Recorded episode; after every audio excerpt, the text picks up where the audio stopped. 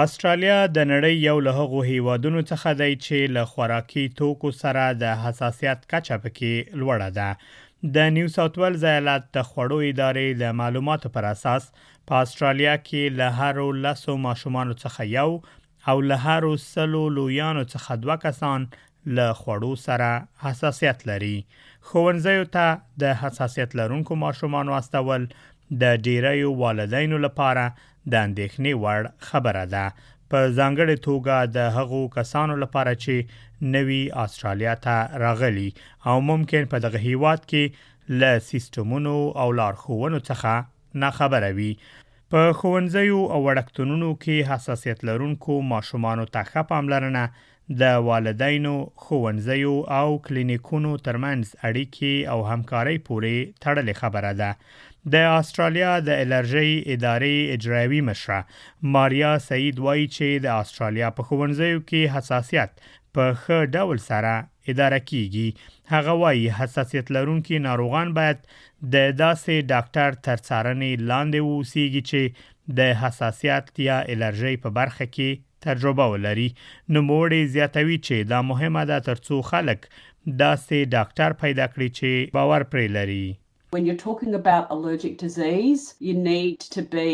under the care of a doctor with experience in allergy. It's critical that people find a doctor that they trust, understanding that they won't have all the answers because there is a lot that is still unknown about allergic disease. But finding someone that you trust and then taking their advice and continuing under their care is what we recommend. کله چې میندې او پلرونه خپل داسې ماشومان چې له خوړو سره حساسیت لري ښوونځیو ته لیږي نو مهمه ده چې د خپلو ماشومانو د وضعیت او د حساسیت د کنټرول د پلان په اړه له مربوطو ادارو سره معلومات شریک کړي د عمل پلان یا اکشن پلان یو طبي سند دی چې د الرژیک عکس العمل پیژندلو او د اداره کولو لپاره روښانه او د شواهدو پر اساس معلومات چمتو کوي سند باید د درملنې ډاکټر یا نرس لخوا بشپړ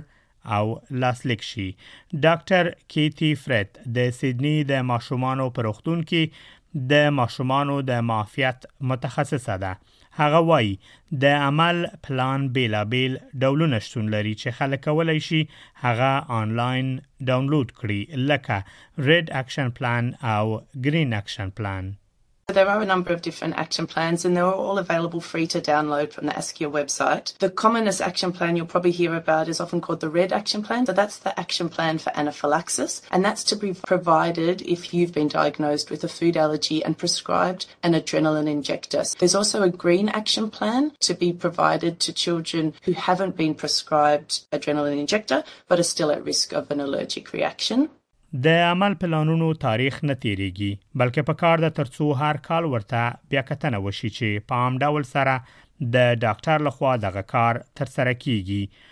ځینې وختونه ځینې ښوونځي غوښتنه کوي چې د عمل پلانونه هر کال تازه شي مګر دا واقعا اړین نه دي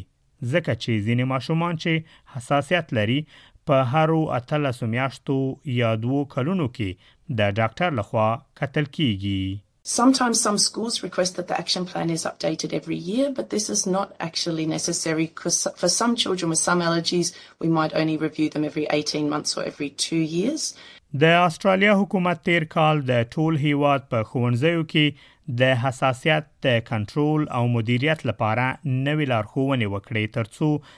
دغه ستونزه په ښه ډول سره مدیریت شي.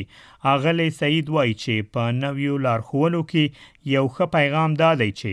له حساسیت لرونکو خوړو څخه د لرې کېدو پر ځای د حساسیت په اړه د پوهاوي پر لوړوالي تاکید شوی دی. هغه وايي چې بندیز کار نه کوي، بلکې موږ باید په ښوونځیو کې د خطر کمولو لپاره د مرستې سیستمونه ولرو.